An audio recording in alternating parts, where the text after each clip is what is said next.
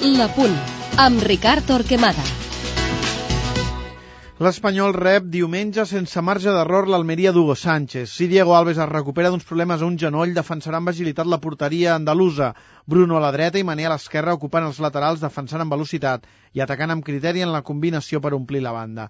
Aleix Carlos García anticipa amb agressivitat i responsabilitat amb la companyia de Pellerano, dominador en el joc aeri i contundent quan cal. Al mig del camp, Soriano s'encarrega de guardar la posició i mantenir l'equilibri tàctic, delegant la distribució i la creativitat per connectar amb la línia mitges puntes en Julio Álvarez.